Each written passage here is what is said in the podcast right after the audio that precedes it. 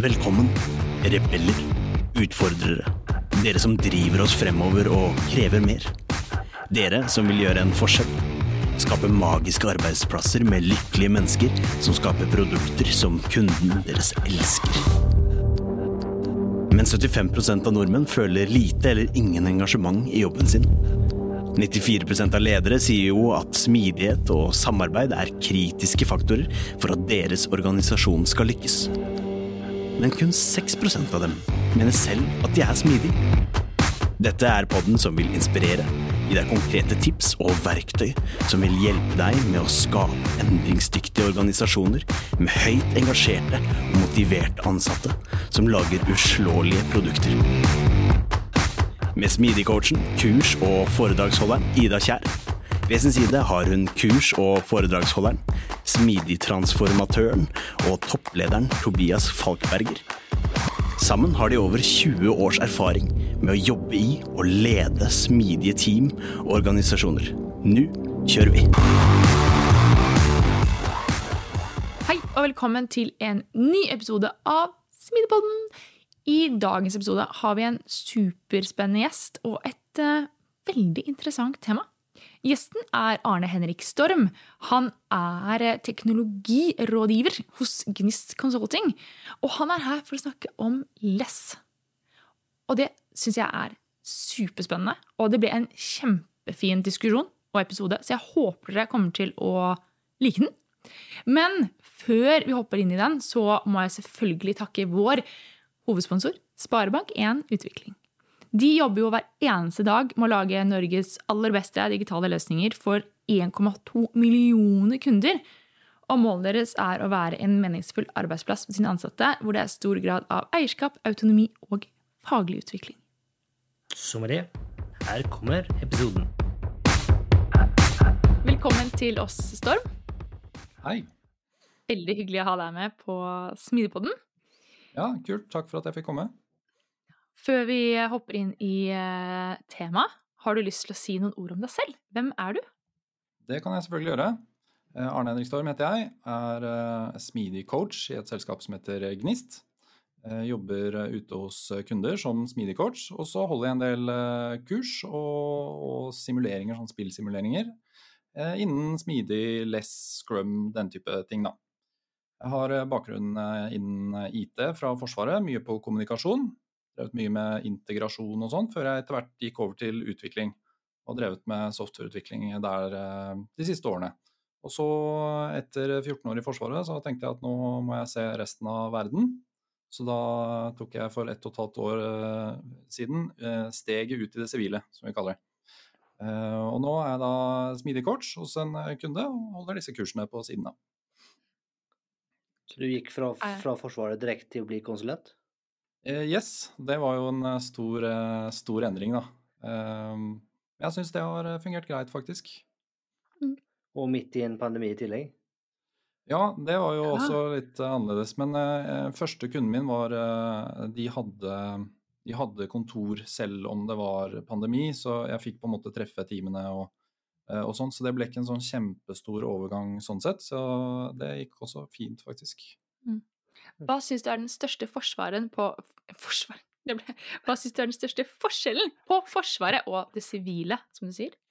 Jeg tror um, at uh, litt lederstil uh, det er, Forsvaret har jo uh, forskjellige også le flere lederformer. Da. Det jeg syns var litt interessant med Forsvaret, at de har liksom to lederstiller. De har én når man er i garnison, eller inne i basen. Og så har du en litt smidigere måte, lederstil når man er ute i felt da, og driver med operasjoner, for da må man være veldig fleksibel. Og så ser jeg at når jeg kommer ut i det sivile, så er det litt annen ledelsesform. Det er mye av elementer fra begge deler. Da. Mm. Um, ja. Så um, kjenner igjen mye, men det er, det er, en del forskjeller også i lederstil. Da. Um, mm. Og jeg syns jeg har vært veldig heldig på akkurat det med de jeg har rundt meg, så det er veldig kult. Så ser jeg litt andre lederstiler ute hos kunder og sånn, så det er veldig spennende å se forskjellene. I dag så skal vi snakke om LS-side. Eh, så Storm, kunne ikke du eh, kanskje bare gi oss bare en introduksjon? For det er jo kanskje ja. ikke alle som engang vet hva den forkortelsen står for. Jeg skulle til å si, det må vi starte med. Ja. Jeg syns vi skal starte med det. Altså, LESS eh, står jo da for Large Scale Scrum. og er et form for smidig rammeverk som fokuserer på det å drive produktutvikling eh, med flere team på samme produkt. Jeg stiller første spørsmål. Hva står én for da, hvis det er large scale scrum? Jeg, vet du hva, Den én er liten, og jeg tror det er bare fordi de hadde lyst på noe som ga litt mening, altså less. Eh, og så har de en gimmick som jeg kommer litt tilbake til etterpå, og det er eh, more with less.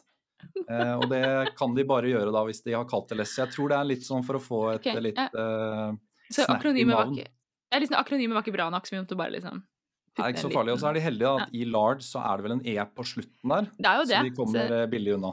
Det er derfor den er liten, kanskje. Jeg tror mm. det. Ok, Ja, men uh, digresjon. Sorry. Ja, så det er et smidig, uh, smidig rammeverk. Uh, og nå har vi på en måte det jo, finnes jo flere smidige rammeverk der ute, men de er litt forskjellige. Og jeg tror nok less, som jeg sa, more with less, at det, det er veldig, veldig lite predefinerte prosesser og roller og sånn i forhold til andre eh, smidige rammeverk, sånn at det er mer rom for å lære selv, rett og slett. Mm. Er det sånn som uh, Safe, hvor du må sertifisere deg? Eh, det finnes noen sertifiseringer, men de er, eh, det finnes to kurs bare. Det finnes et less basic-kurs som er én dag, hvor du bare får en introduksjon. Og så finnes det et tredagers som de kaller eh, less practitioner, hvor du går veldig mer i dybden på hvorfor less har valgt de løsningene de har. Så det er veldig mm. sånn, Jeg kan nesten se på det som et organisasjonsdesign slash systemtenkekurs. Hvor du virkelig liksom Hva er det med prosjekter som gjør at man får litt utfordringer? Hva skjer hvis du bygger opp team på forskjellige måter? Og så eh, sier man at pga. disse utfordringene man ser med denne typen organisering, så har vi i LESS valgt denne. Så du får en sånn skikkelig dyp systemtenkeøvelser da, for å, for å forstå det. Det er jo litt kult. Mm. Eh, så jeg er jo sertifisert, både på, eh, sertifisert instruktør både på Safe og LESS, så jeg har på en måte vært i begge leire. Eh, men har nå i det siste egentlig gått litt mer vekk fra Safe, litt fordi det er for preskriptivt på et vis. da Det er for definert. Mm. En annen forskjell som jeg ser mellom disse to rammeverkene, er at Safe kommer fra USA. Og Less er laget av en canadier som heter Craig Larman, og en nederlender som heter Bass Vodde. Eh, og er laget basert på erfaringer de har gjort seg i Europa, med spesifikt Finland da, de siste 15 årene. Så jeg føler at Less som rammeverk er veldig mye mer tilpasset på en måte europeisk kultur, da, hvis det gir mening. Det gir veldig mening. Veldig mening. Og det, og det, jeg tenker på der, er litt sånn uh, veldig spesialiserte roller. Det har de ikke. Uh, de har fortsatt Altså Safe, uh, Safe har jo litt hierarki, ikke sant. Og en del kontrollmekanismer som Less ikke har. Så jeg, jeg, føler at kanskje Less passer bedre for norske bedrifter da, og organisasjoner enn det Safe gjør. For det har jo vært i hvert fall en si, kritikk eller refleksjon fra min side med Safe, er just at, liksom at mm. sannsynligheten for at et rammeverk som er laget i et annet land for en annen kultur, i en helt annen setting, kanskje en helt annen størrelse, at det skal måtte passe i hand i hansken med din lille organisasjon i Norge, sannsynligheten mm. for den er så lav så at det liksom nesten ikke er verdt å prøve engang. Um, og det er jo liksom interessant, for det, det, er jo på en måte Du sier kanskje ikke så brutalt, men, men det er jo litt samme at det er liksom en kanskje mer sannsynlighet hvis du kommer fra en kontekst som er, minst er mer lik på den du skal måtte ta det i bruk i. da. Mm. Og så føler jeg at Less er mer åpen for at eh, på en måte den konteksten du lever i eh, Du kan tilpasse systemet til den konteksten du lever i, da, mens eh, i Safe, fordi du ikke går inn i detaljene på hvorfor man får problemer med en smidig transformasjon f.eks., så er det vanskeligere å finne og lære i den konteksten man selv er i. Da. Man blir på et vis litt låst. Mm. Ja. Men, men, kanskje for å ta enda steg tilbake litt, så altså, du, du, kaller det et rammeverk, et smidig rammeverk. Hva, hva, legger man i det? Altså, hva, hva, er det egentlig betyr? Hva er det man, måtte, hva er det man får, om jeg kan si det på ja, den måten? Det er, det er bra du sier. Altså, Less er bygd opp uh, av på en måte tre nivåer. De har uh, det de kaller Less-reglene. Eh, og der har de på en måte igjen basert på denne systemtenkingen kommet med et sett med regler som jeg kommer litt inn på etterpå antageligvis, som er hvis du ikke gjør disse reglene, så vil vi helst ikke at du kaller det less. Fordi da tror vi at du får så mye problemer at uh, vi vil ikke på en måte assosieres med det. Scrum gjør litt det samme med denne Scrum-guiden. At liksom du må ha retrospektiv og du må ha sprintplanning og litt sånn ting som det. Eller så bør du ikke kalle det Scrum. Uh, og Less har noen sånne regler eh, som vi kommer litt inn på. I tillegg så har de en del guides, og det er på en måte eh, Vi har sett i mange organisasjoner så fungerer dette bra. Det kan dere prøve hvis dere tror at det kan hjelpe hos dere. Eh, så det er mer litt sånn retningslinjer om ting man kan gjøre. Eh, og så har du den siste, er at LESS består også av ganske mange eksperimenter som folk har gjort tidligere. Inne på LESS-siden så går det an å lese case studies eh, som folk har gjort hvor de har innført LESS eller prøvd å innføre LESS i bedrifter, og så se litt hvordan de gikk fram, hvordan det gikk. I tillegg til at de da også med rammeverket legger til rette for at du skal prøve forskjellige ting. Du må jo finne ut av dette selv for din organisasjon. Um, og at da de eksperimentene er en del av de. da. Så det er uh, regler, guides og eksperimenter er liksom oppbygningen. Og så er det litt samme som med Scrum, at det er jo basert på Scrum, men for flere team så har du disse tre kategoriene av ting. da. Man har noen roller som er definert.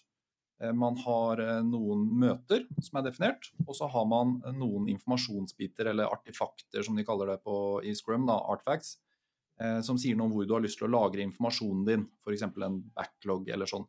Så de, de, de, tingene er jo også med her nå, da, men de, det er litt andre varianter når du har flere team som jobber på samme produkt. Da. Men er det for det her uh, hva skal jeg si, at less det starter litt der Scrum slutter, kan man si det sånn? At det liksom tar altså Du er inne på skaleringsbiten, altså hvordan ser det ut i de grensesnittene mellom ulike team Yes, det er akkurat det det på et vis er. De, de så jo et gap i, i, Scrum, som på en måte eh, guiden definerer som litt sånn ett team. Eh, mens si du er fire team, da, eller eh, seks team som eh, har lyst til å jobbe sammen på samme produkt, så eh, går det på et vis ikke bare å lage seks Scrum-team. For da får du seks produkteiere, og du får seks Scrum-mastere. Og hvis de prioriterer hver sin backlog, f.eks., så vil du egentlig ha lagd nye Scrum-siloer, da. Så det det handler om her, er å Da må vi kanskje se litt annerledes på noen av disse rollene. Og det er derfor Less har på en måte trukket produkteieren og Scrum-masteren ut av teamet, eh, sånn at de kan bidra på tvers av team. Eh, så for eh, et produkt så har man da helst bare én produkteier i Less, sånn at den produkteieren ser helheten og prioriterer på tvers av team. Sånn at ikke du får denne mange små siloer da, som prioriterer for sin lille boks. Men er det da en begrensning til hvor mange team, eller hvor mange personer og størrelsen på organisasjonen, da, som eh, passer for? Eh, kan, du kan på en måte si det. Eh, mm. Og der er det sånn at LESS har lagt opp til at eh, LESS, som, LESS har egentlig to rammeverk. Det er LESS basic på et vis, og så har du det som kalles LESS huge. Og LESS huge det må du gå over til hvis produkteieren ikke har kapasitet til å prioritere hele backloggen alene. Og Det er først da, og det kan jo for noen være etter seks team, noen etter ti. Ikke sant? Så det kommer litt an på. Um, mm. på en måte kompleksiteten kanskje på backlog og sånn. da. Mm. Uh, men i teorien så skal du kunne skalere dette her så, så, stort du vil. Men det er jo viktig, det er jo noen rammer her også. at Det er jo ikke noe vits å kjøre less på veldig forskjellige produkter. Eh, for det er jo ikke noe vits å samhandle med de som lager noe helt annet for et helt annet formål for en helt annen kunde. Hvis det ikke er noen sammenheng. Så, så tanken er at eh, definer veldig bredt hva produktet ditt er. Eh, jeg kan ta et eksempel på det. da, Hvis man ser på eh, Microsoft. Eh, de har, da, de har Word, de har PowerPoint, de har Excel. Hver av de kan man jo se på som hvert sitt produkt. Men man vil jo at det skal være noen ting felles på disse. ikke sant? Litt design og, og sånn. Og så kommer fleksibiliteten inn. For smidighet handler jo om å skape fleksibilitet i organisasjonen. Og når vi da tar inn f.eks. Microsoft Teams, og så tenker vi at hvis dere ser for dere at alle de forskjellige applikasjonene har 100 utviklere hver, da. Ikke sant? Og så mm. kommer covid 2020, og Teams er liksom Det er der verdiskapningen kan skje, ikke sant? Mm. Da har du 300 da, som jobber på Word, Excel og PowerPoint, og så har du 100 som jobber på Teams. Og Hvis du da ikke har lagd en organisasjon hvor man kan jobbe litt på tvers av applikasjonene, da, eh, mm. og se på produktet som helhet, som egentlig er Office-verktøyet, ikke sant. Mm. Um, så uh, Less prøver på en måte å skape en smidighet hvor man ikke låser seg ned i arkitekturen så veldig, men at man heller fokuserer på hva er verdien vi skal skape for kunden, og hva klarer vi å få til fleksibilitet innenfor det. Og så må man sette noen praktiske begrensninger i forhold til eh, mm. Hvor mange kan vi ha i en produktgruppe, hva slags kompetanse trenger vi i teamene og sånn. Så det vil jo være noen praktiske ting. Man må på en måte se og lære hvor stort klarer jeg å ha det produktskapet mitt. da. Mm. Så Less oppfordrer da egentlig til tilpasningsdyktighet, fleksibilitet og skalere opp og ned etter behov? Ja, eh, akkurat den Mm. skalerer opp og ned til behov. Eh, eh, det som er veldig viktig for LESS, er jo disse teamene. Eh, Mm. Og det å ha team, fem til ni personer, som er disse som, De skal være kryssfunksjonelle, dvs. Si at de skal ha alle da, de funksjonene de trenger for å løse sin verdistrøm. De skal også være krysskomponent, dvs. Si at de skal ikke ha noen begrensning på hvilke komponenter de har lov til å jobbe på for å oppnå sitt formål. Og så er det, når du sier da skalere opp og ned, så vil vi helst da eh, eventuelt lage flere team, ikke dytte flere utviklere på et team. Eh, Mm. Og kanskje man da lager eh, forskjellige forretningsdomener, da, som sier Mm. at ja, nå har vi fem team som jobber på det forretningsdomenet og tre på det andre. Og hvis fleksibiliteten da tilsier at oi, nå trenger vi flere på det andre domenet, så kan Mm. vi på en måte flytte oss etter fire-fire, da. Mm. Så vi, vi har, det er veldig viktig å beholde det stabile teamet, da, sånn at de får muligheten til å forbedre seg og føle den teamfølelsen. Sier Les noe om størrelse på team? Eh, Jeg, jeg tror at jeg ligger på litt sånn samme som Scrum, at det er liksom fem til ni. Og hvis du går over ni, så må du se litt på dynamikken og sånn. Og hvis det blir veldig mye større, så mister man på en måte litt samhold. Eh, veldig mange kommunikasjonslinjer, det blir mye overhead, for du skal synkronisere og sånn. Eh, så jeg tror det er ni-ish, så begynner man å på en måte si at nå bør man se på muligheten for å ha flere team isteden. Mm. Ja, for jeg tenker litt det du sa med, med Less Huge, da. Som er litt morsomt i seg selv, men jeg skal ikke gå inn på det. Um, er jo hvis du har Hva er det så ti team cirka, da må du gå over til Less Huge, men hvis du er under det, så uh, med ni personer, så er det potensielt 90 personer da, som skal ha én Scrum Master. Det er jo Mm. ganske mye å holde tunga rett i munnen for den ene personen, da. Det er jo en liten, ja, jeg det er jo en liten faktisk- norsk bedrift. litt. Det er jo en mellomstor norsk bedrift. Det er det, vet du. Ja. Eh, Det er jo Men helt produkteieren er, er det en av dem. Det er flere Scrum Mastere. Eh, Å, så det misforsto jeg. Sorry. Ja, men vi kan, ta en, eh, vi kan ta en liten prat om Scrum Masteren, for rollen der har Mm. også endret seg en del eh, fra det å være singelteam Scrum. Så Mm. eh, Scrum Master eh, pleier vi å si at kan håndtere ett til tre team, avhengig av teamets okay. modenhet. Mm. Eh, og Scrum Masteren i Less har fire roller som de jobber med, og, det jeg merker med Less er at de har veldig høyt fokus på den extreme programming-delen, med liksom kvalitet på kode, parprogrammering, eh, CI-CD-pipeline og sånn, at Scrum Masteren også er en coach på det. Så Scrum Masteren skal hjelpe utviklerne å forstå på en måte hvordan man lager kvalitet i koden og, og får flyt i koden. Så det er eh, den ene. De skal coache teamet som team, og det er jo den man er vant til fra Scrum, at teamet skal fungere bra sammen. Og så skal de coache produkteieren, eller produkteierne hvis det er eh, flere, for i Less Huge så har du noen flere. Og så har du den siste og kanskje viktigste, som ikke da finnes i Scrum, det er at de skal coache lederne og organisasjonen rundt produktgruppen i hva det vil si å ha en produktgruppe. Ikke sant? Fordi at det kan hende man har systemer i organisasjonen sin som, går, eh, som på en måte er på utsiden da, av produktgruppen. Eh, og Eksempelet vi ser er f.eks. hvordan man måler suksess da, i organisasjonen. Kanskje man har individuell belønning. Eh, eller hvilke andre typer systemer man har i organisasjonen. Og det å rett og slett hjelpe resten av organisasjonen slik at produktgruppen kan gjøre en god jobb. da. Så det er de fire tingene en Scrum Master gjør. Og så vil det jo da, hvis du som du sier har åtte team eller ti team, da, eh, så vil disse Scrum Masterne antageligvis lage da et sånn eh, community of practice med hverandre. Hvor de på en måte er ja, jeg er, jeg er jo tidligere tech lead, så jeg er veldig god på uh, utviklingspraksis. Mens jeg er, har drevet med endringsledelse mye, så jeg fokuserer mer på organisasjonen. Og så finner Scrum Masterne på en måte ut sammen hvordan de skal hjelpe og coache organisasjonen. da. Jeg sier less noe om Community for Practice. Ja, de gjør det. Eh, For det er en av de tingene som er borte i LESS, som finnes i klassiske organisasjoner, det er jo da den eksterne faglederen. Altså en Mm. person på utsiden av teamene som er ansvarlig for et fag, f.eks. en designleder eller en Mm. utviklingsleder eller et eller annet. Eh, Og har gitt det ansvaret til teamene, at de eh, må opprette da community of practices for de områdene de selv ønsker, og at de kan på en måte oppstå og dø litt sånn etter behov, da. Mm. De som pleier å oppstå, er jo arkitektur, testing, scrum master, design. De er jo veldig Mm. vanlige at oppstår. Og så er det noen ganger det er f.eks. komponentspesifikke ting. da. For nå skal jo da disse teamene jobbe på tvers av komponenter. Mm. For det her er jo veldig spennende. Vi snakket jo med en forsker, om, eller Karin, forsker, om akkurat dette her med tverrfaglig team og liksom ned, potensiell nedside. da. Og Mm. da var det jo det at um, man kunne miste liksom den faglige nærheten da, og den Mm. eh, kompetanse kontinuerlig arbeid, liksom kompetanseheving, da, ved å ha et tverrfaglig team, da. Så det er jo spennende da at LESS har på en måte en, en struktur for å fange opp det, da. De, ja, de, og de anerkjenner veldig mange av de problemene som kan oppstå med det, det, det kaller feature teams. da. Eh, team som eh, er tverrfaglig, er krysskomponent og har på en måte de, Det de er med og eier og må få eierskap til, er jo et problem de skal løse.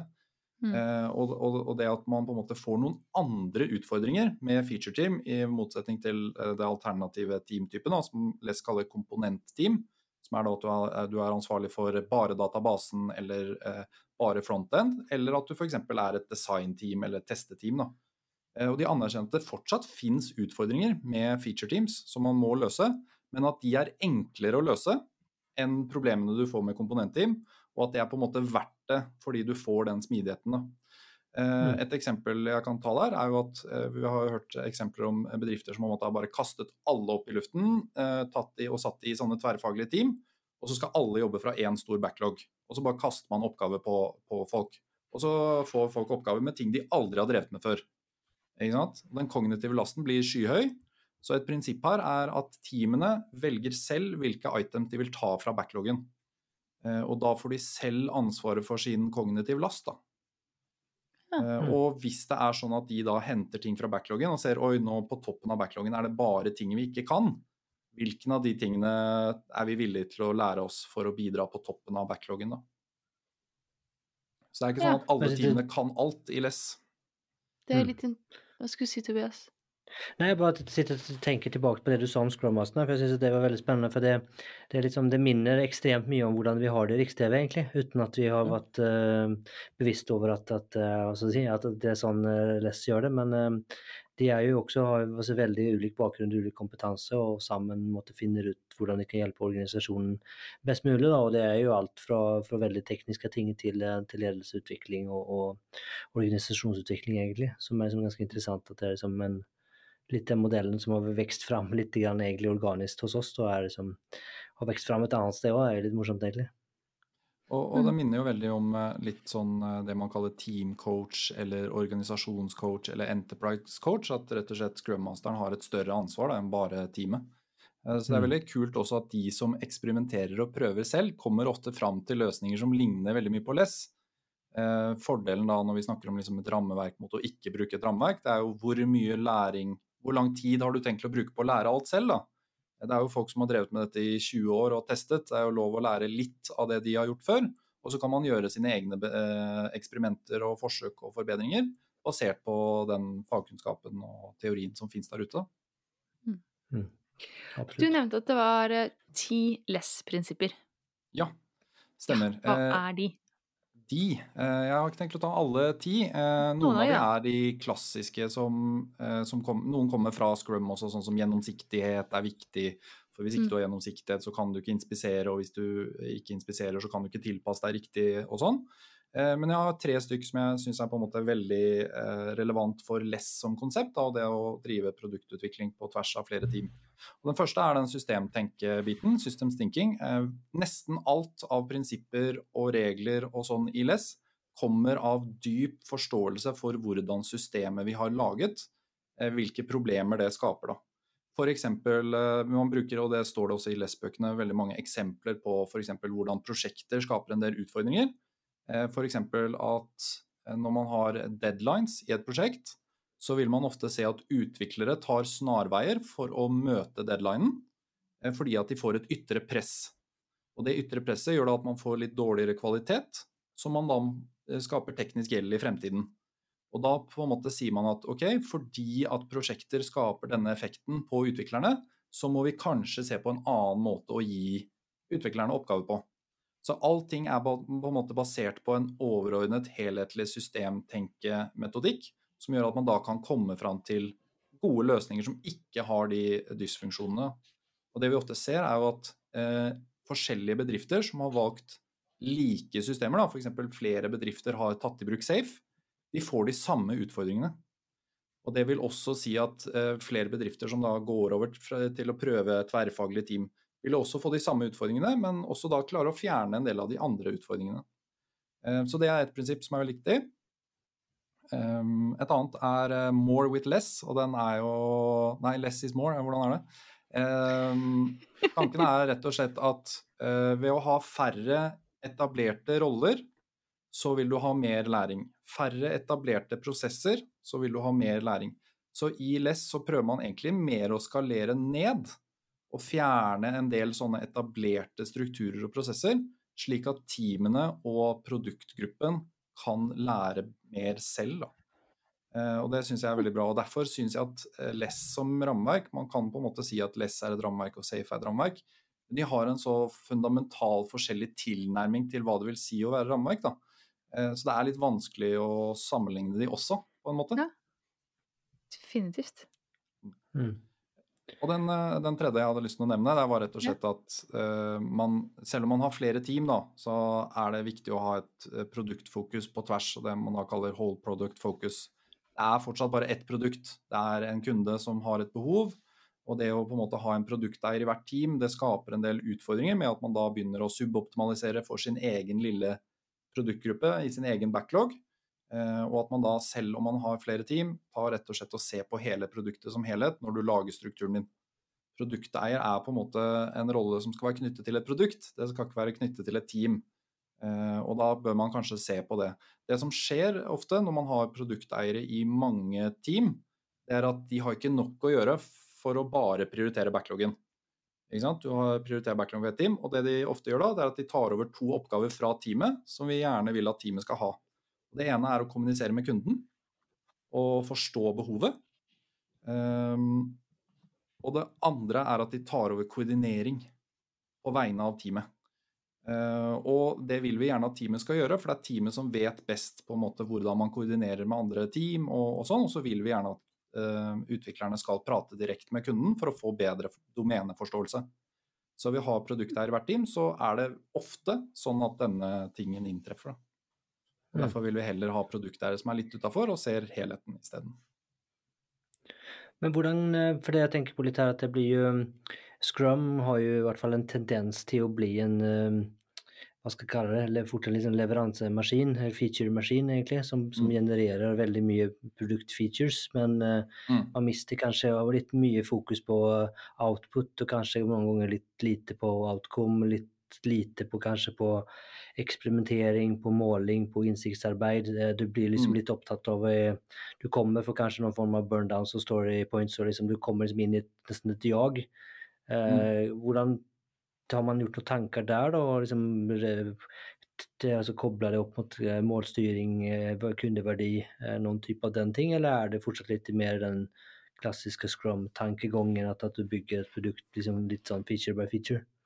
Ja, jeg vet ikke om eh, Jeg tenker at eh, også innen Scrum så er det på en måte Det kommer litt an på hvordan man som produkteier tilnærmer seg eh, det her. da, Om det er liksom Jeg har en liste over ting dere skal gjøre, bare gjør disse.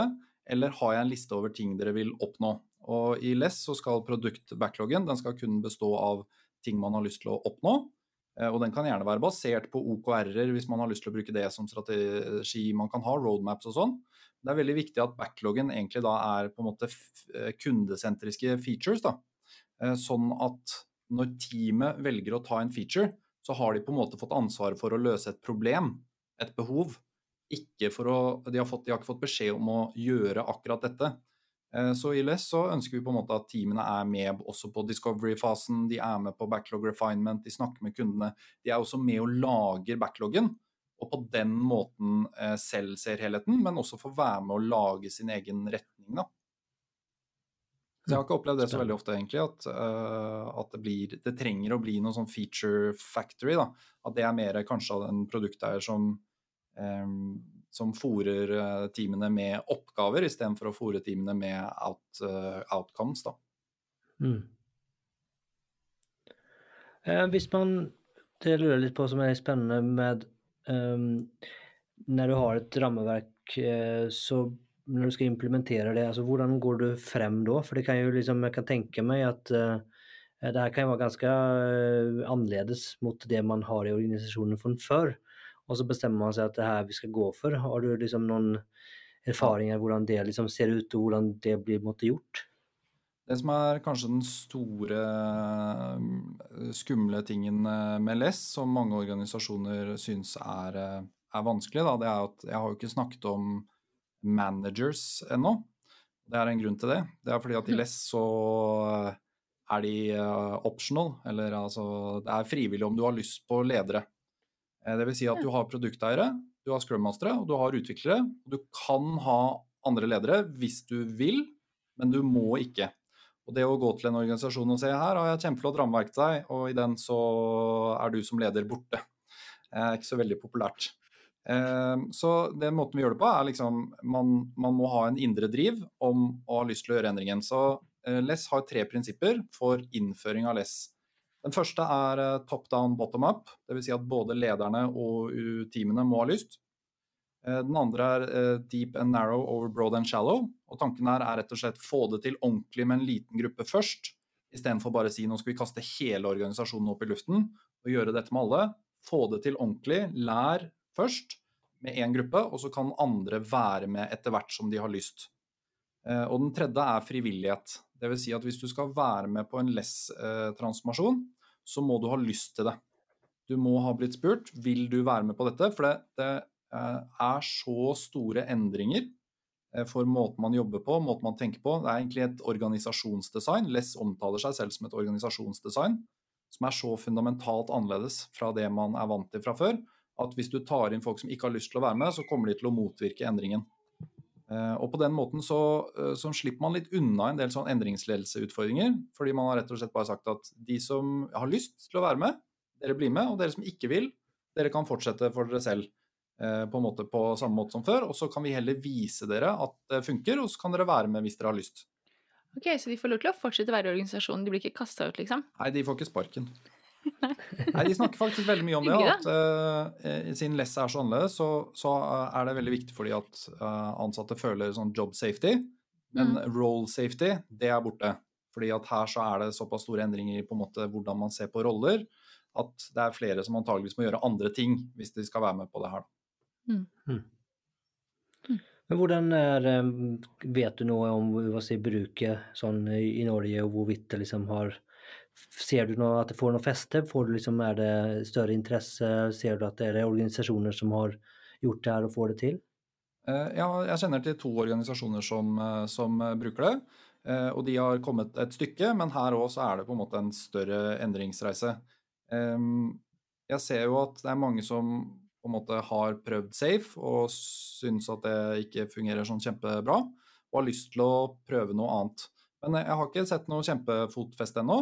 Men det jeg hører når jeg prater med sånn som du sa i stad, at det er mange bedrifter som faktisk har begynt å gjøre en del less-ting eh, mm. uten at de kaller det less. Og det, det varmer jo hjertet, selvfølgelig, at man har kommet eh, dit. Men det er ikke så utbredt. Det er ikke det, altså. Mm. Jeg tror det er et veldig uh, valid mulighet for de som har lyst til å prøve å få til flere team uh, på ett produkt. Mm. For jeg, jeg, tenker jo at det er jo litt, kanskje litt synd for Less, men jeg tenker at altså, som, som, Safe har jo altså Det er jo um, veldig lett å um, kanskje bli kjøpe, for det høres jo helt mm. fantastisk ut. Det løser alle problem. Mm. Du kan bare kjøpe det inn og rulle det ut, og så er det ferdig. Mm. Uh, og da er det kanskje her mye vanskeligere og kanskje mer nøkternt om at det kanskje ikke er så mm. enkelt. Så det er jo kanskje taler vel kanskje mot Less sin favør. Eh, mm. Og, så er det kanskje på andre siden av, av, myntet så har du kanskje de som har vært borti rammeverk og hørt om safer og sånne ting, og får litt sånn hva skal jeg si, rygga litt tilbake og kanskje ikke så gira, så du får liksom den jeg ser i tillegg. da, Så du sitter kanskje dessverre litt i en sånn uh, dobbel dårlig situasjon pga. relasjonen til uh, eller hva skal jeg si, sammenkoblingen ja, til Safe. Definitivt. Og litt som når vi, mm. vi snakket om dette før, før podkasten også, liksom hva, hva, hva, er et rammeverk, da? ikke sant? Og mm. hvis folk har prøvd et rammeverk, sett at det ikke fungerer, så blir man selvfølgelig eh, skeptisk til nye rammeverk. Eh, så sånn sett så har jeg på en måte en jobb å gjøre med å, å få eh, vise folket hva Less har å by på. Og så merker vi at på en måte litt som du sa, at Safe er, safe er veldig selvbart. Og grunnen til det er at de gjør ikke de fundamentale endringene man kanskje må gjøre for å bli smidig. Eh, og derfor er lettere å ta i bruk. Jeg tror det kan fungere bra som et sånn startsted, Wikipedia-type løsning, hvor du kanskje går på nettsiden og henter litt ideer og, og sånn. Men hvis du ser på hvor smidig rammeverkene er, så er jo på en måte Less ganske mye mer smidig, ekstremsmidig, da. Men Safe er på en måte fortsatt smidigere enn kanskje en klassisk fossfallsmodell, da.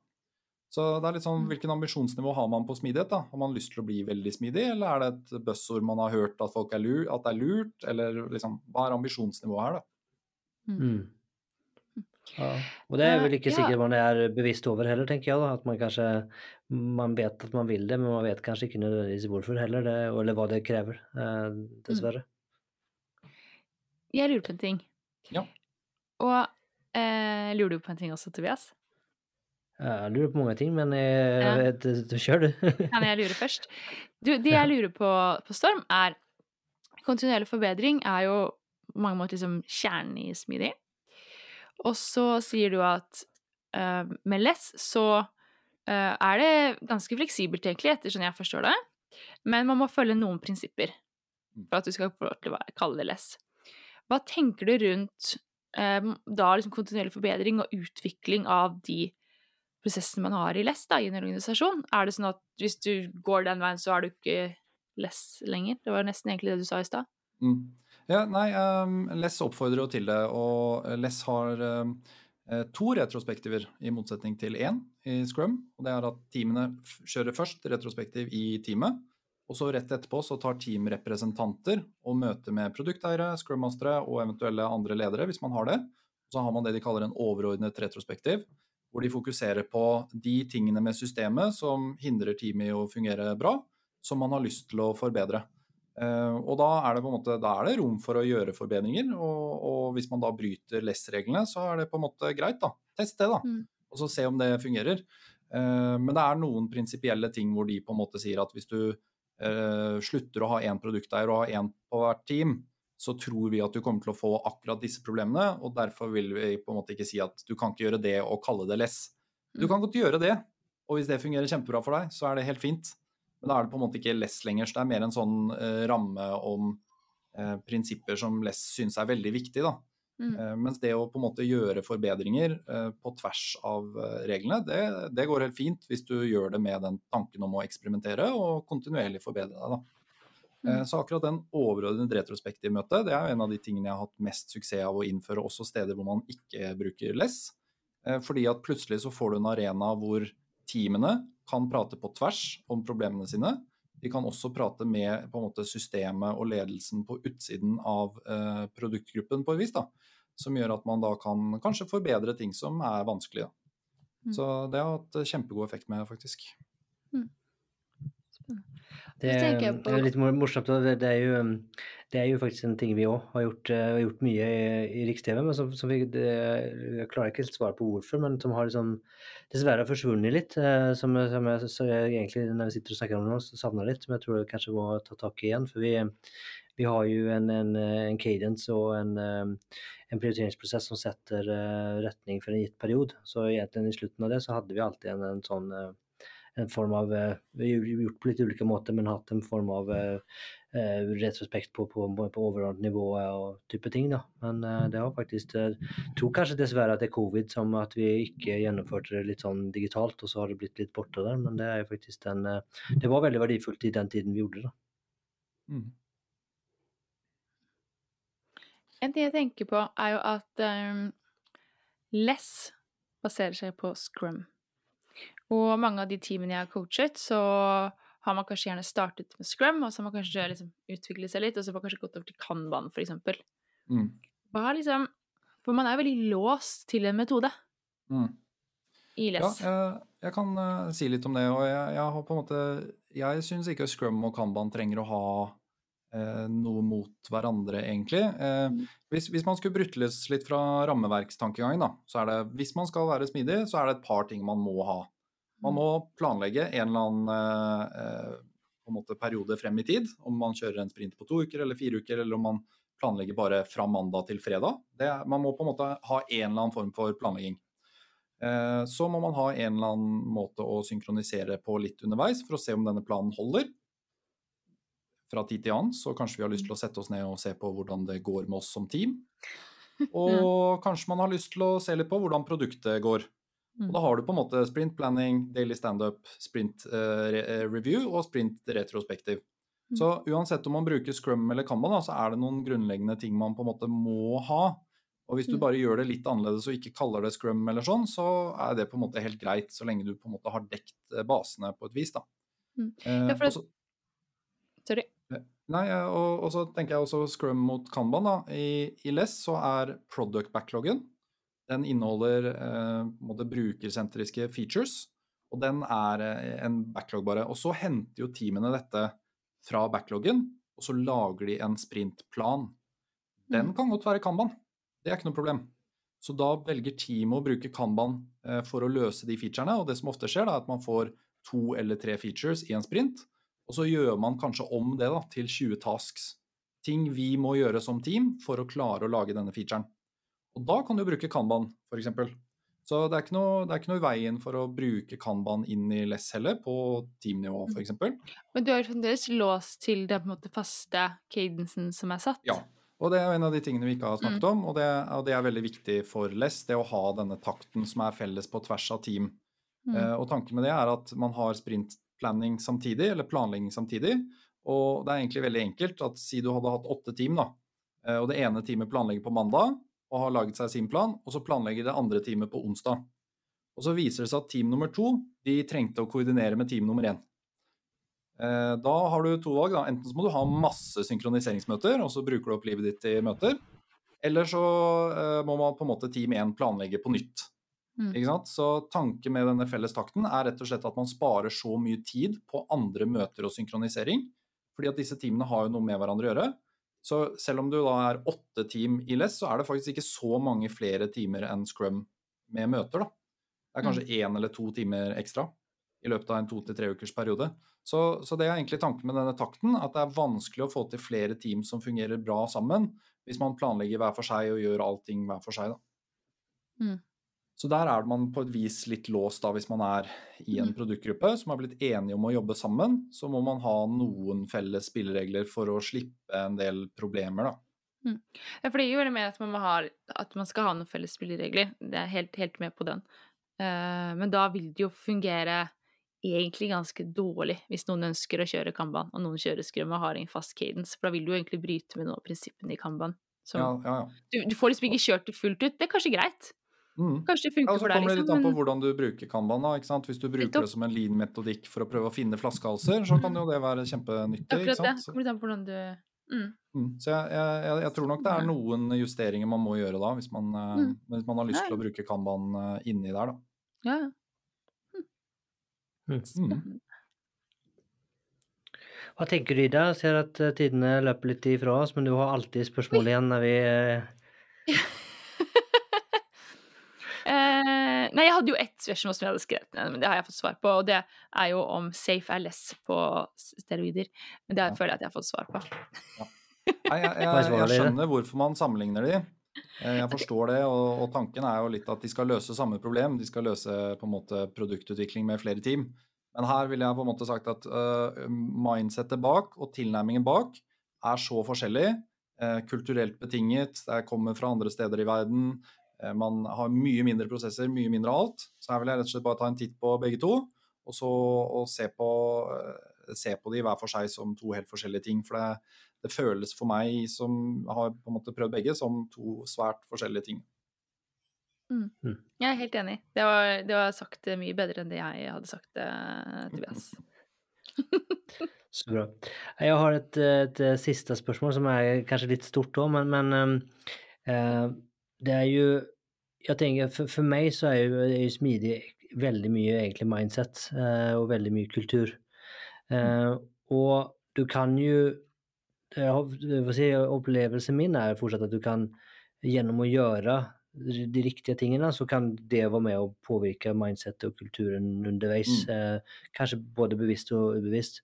og mye med, med altså som tar retrospektiv, syns jeg er et godt eksempel. Det er jo det er jo en mindset-skifte. altså Kontinuerlig læring, refleksjon, feedback. Mange fine ting som er satt i system. Um, som du får øve på gjennom at du gjør det hyppig. Uh, så du kan jo få til den mindset- og kulturendringen gjennom å gjøre det. Men hvor mye hva si, den type eh, refleksjon eller bevissthet rundt at for å få til en varende effekt, eller hva si, en Mm. ordentlig smidig, så er det jo en mindset-skift, en kulturendring i selskapet du skal få til, og ikke Mm. nødvendigvis bare at du gjør de riktige tingene. Og mye av Mm. den er delen av har man liksom tatt, ves, tatt med seg eller lagt til rette for i både kanskje implementering, men også gjennomføringen av, av eh, LESS. da. Mm. Nei, eh, det er et godt poeng, og det er veldig lett å på en måte Den jeg pleier å høre, er ja, vi er supersmidige, vi, vi har innført Gira i organisasjonen vår, ikke sant. Det er hørt eh, klassiker. Eh, Men det er to ting jeg føler at Safe gjør på det. Den første er at man har veldig stort fokus på coaching. Uh, Og Scrum-masterne er coacher, de er ikke teamledere. Uh, Ja, uh, var det et spørsmål der? nå sa du safe. Mente du less? Ja, jeg mente less, ja. Ok, bare sånn for å liksom Ja, uff, Ja, uff, uff. nei, Less har veldig stort fokus på coaching. Eh, Og det å coache alle, ikke bare på en måte teamet, men også produkteiere og organisasjonen rundt. Uh, Og så er uh, Safe uh, igjen, ikke sant, nå Less, Yes. overbevist om at veldig mye av kultur, det kommer fra struktur. Og det er litt sånn, det er vanskelig å på en måte begynne å skape et mindset-skifte hvis ikke man gjør noe annerledes med strukturen. Da. Og det kan f.eks. være roller. da. Det kan Mm. være møter, det kan være forskjellige ting man gjør av endringer i organisasjonen. Mm. eh, Og at det på sikt vil bidra til å endre kulturen i tillegg, da. Eh, Kommer jo veldig fra denne systemtenking-mindsettet. At ved å gjøre endringer på systemet ditt, så kan du få til en kulturell endring på sikt. da. Gud. Skal vi uh, Nei, du har Jeg tror vi må selvfølgelig tid hoppe i inn det. i spørs- Nei, jeg har, jeg, jeg har det, men jeg har ikke det. Jeg tenker at vi bare nå Vi er på, på overtid. Nei, vi er ikke på Mm. overtid, men vi har jo snakket lenge. Eh, og- og vi, vi prøver jo på en måte ikke å, å å, å ha for lange episoder så ikke lytterne går lei. Ikke at de ville gått lei av det her, da. De ville ikke gått lei av dette temaet. Men uh, vi hopper ned i fem siste spørsmålene. vi. Jeg, jeg kunne jo prate om dette i uh, tre dager. Uh, for jeg, ja, dette er jo eller lesk, Jeg har jo masse leskurs og sånn. Eh, Mm. Både ettdagerskurs, eh, tretimerskurs og tredagerskurs. Så her kunne vi blitt sittende hvis vi hadde hatt lyst. Ikke sant? Jeg syns bare det du sa rundt struktur og kultur er veldig interessant. For liksom, hva kan være først å legge? Eh, ja, men det, det, den diskusjonen kan vi ta en annen gang. Det får bli en annen episode. Det får bli en annen episode. Nå tenker jeg vi kan hoppe ned i disse spørsmålene. Tobias, vil du sparke deg av gårde? Det vil jeg. Hva ville du fortalt 20 år gamle deg selv? Yes. Nei, det er jo den smidige tilnærmingen, da. Bare dette ordner seg på veien. Det er bare å prøve, og så lære, og så finner du ut av det etter hvert. Det er ikke så dumt. Hva mener du kjennetegner en god leder? Eh, Ja, jeg syns jo lederrollen er blitt utfordret. da. Jeg kommer jo fra Forsvaret, hvor du liksom har hatt Mm. en uh, høy og mørk troppssjef ikke sant, som eh, gir ordre og, og liksom leder fra front. Uh, og så nå til å gått over til uh, smidige organisasjoner, hvor jeg egentlig ser det at det er veldig mange flere som leder. Det er ikke bare Mm. én person. Uh, Scrummasteren leder ved hjelp av coaching, fasilitering, mentorering. Produkteieren leder produktet ved hjelp av visjon og retning og sånn. Utviklerne leder jo hverandre som team, og hvordan de utvikler seg, lager psykologisk trygghet f.eks. Så jeg vil jo si at eh, det vil variere litt fra eh, leder til leder, men at nå som lederrollen er så spredt utover, da, så, eh, så må man egentlig lede litt på en annen måte, og at det ansvaret er mer delt. da. Så jeg, jeg tror vi alle leder litt mer nå da, enn vi gjorde før. Hmm. Jeg er enig i den refleksjonen. Mm. Eh, hvis man har lyst å implementere LESS, komme i gang, har du noen tre tips? Har du noe, liksom, en liten smørbrødliste på hvordan man eh, kommer, kommer seg videre? Hvis man sitter og hørt på det? Ja, jeg vil jo først og fremst anbefale å ta en titt inn på less.works, som er Less sin side. De er veldig åpne. En, nesten alt av informasjon er jo tilgjengelig der. Både de forskjellige reglene og, og, og sånn om hvordan man på en måte kan gjøre det her. Eh, De har veldig gode bøker. Less har gitt ut tre bøker hvor de fokuserer veldig på hvorfor har vi valgt de løsningene vi har valgt i Less. Eh, De snakker om hva utfordringene med prosjekter er, de snakker om utfordringer liksom, også pga. disse utfordringene så har vi kommet til disse løsningene. Så den eh, var en av de sånn eye-opener-bøkene for meg. Eh, det var å lese disse Less-bøkene, og da anbefaler jeg den nyeste. Den er på en måte enklest og to the point. Eh, for å liksom virkelig forstå de mekanismene som kan inntre når man prøver smidig. Da. Og så tror jeg det er litt eh, viktig å se på de tre eh, LESS-prinsippene for innføring. Eh, for hvis man bryter de, så kan man få en del utfordringer. Da. Så det var top down, gjør det med en liten del av organisasjonen, og gjør det frivillig. Og så er det selvfølgelig kurs, da. Hvis man har lyst, så er det jo bare å ta kontakt. Og jeg tror også det kan være nyttig, da. For det, er mulig her å, å lese less på en måte som gjør at man kanskje tolker litt feil, og så bruker litt gamle mekanismer inn og lager en litt sånn forvridd versjon. Eh, så der er det også en, på en måte en, eh, en heads up, at det, det kan være um, Hvis man lager team f.eks. som er ja, de er feature teams, men de jobber bare på hver sin komponent. Eh, så, så, har man på en måte bomma på poenget litt. da. Så, så, vær litt forsiktig også med det, at man ikke lager en sånn eh, mellomversjon. da. Eh, ja, det er vel de tipsene jeg har, eh, tror jeg. Hvis du skal anbefale noen bøker, lydbøker eller podkaster, da? Jeg må få lov til å anbefale både altså min egen podkast, Kort og godt med Gnist. Nei, har, det er ikke lov. Jeg er konkurrent. jo, det er helt lov. Det er en kjempebra ja. podkast. Ja, så tusen takk. Og vi prøver også å snakke litt om smidig. Vi har litt andre temaer innen teknologiledelse. Eh, eller så er det, er det denne nyeste leseboka da, som, eh, som jeg tror eh, gir fin, en fin innføring i hva dette egentlig handler om. Mm. Kjempebra. Hvis man vil komme i kontakt med deg, eller følge deg, eller høre mer om hva du tenker og mener, hvordan gjør man det? Ja, jeg prøver å være litt mer aktiv på LinkedIn. Eh, svarer eh, ofte på henvendelser der. Da tenker jeg det er bare å legge meg til. Utrolig koselig. Og jeg elsker å prate smidig, som sikkert flere av lytterne har skjønt i løpet av denne episoden. Så her er det bare å ta kontakt. Jeg tar gjerne en uformell prat på LinkedIn eller uh, møtes på en kafé, altså. Så det er uh, bare å ta kontakt der. Herlig. Så bra. Vi legger til en liten linke der, så kan man finne hva si, Gjennom å klikke så finner man det. Så er det veldig, veldig enkelt. Mm. Så med det, Ida mm. Tusen, tusen takk for at du ville komme på uh, Smidipodden Storm. Jeg syns det var helt supert. Jeg uh, er jo litt sånn imot rammeverk, men jeg må si at jeg har litt lyst til å gå på lessekurs nå. Ja. Så det, bare... du har klart det umulige. Ah, fantastisk. Eller hva? Det er utrolig koselig å bli invitert, og utrolig hyggelig å få være med, altså. Ja, kjempebra. Jeg er enig. Jeg syns at um, jeg er litt mindre um, rammeverkfobi etter denne mm. timen her enn jeg hadde yes. før vi starta, så det er, det er, bra.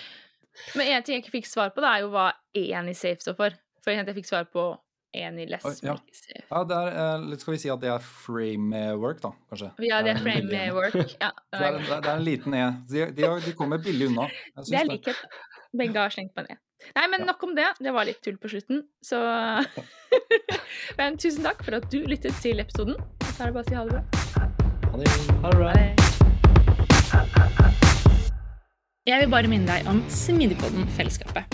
Kanskje har du lyst på eksklusiv tilgang til foredrag, kurs og masse, masse mer. Eller kanskje du bare liker denne episoden spesielt godt. Eller kanskje du bare syns Smidigpodden er som lommen i egget eller rosin i pølsa om du vil, og vil vise at du setter pris på oss. Da må du gå inn på smidigpodden.no skråstrek en kaffe for å bli en del av Smidigpodden-fellesskapet. Håper å se deg der.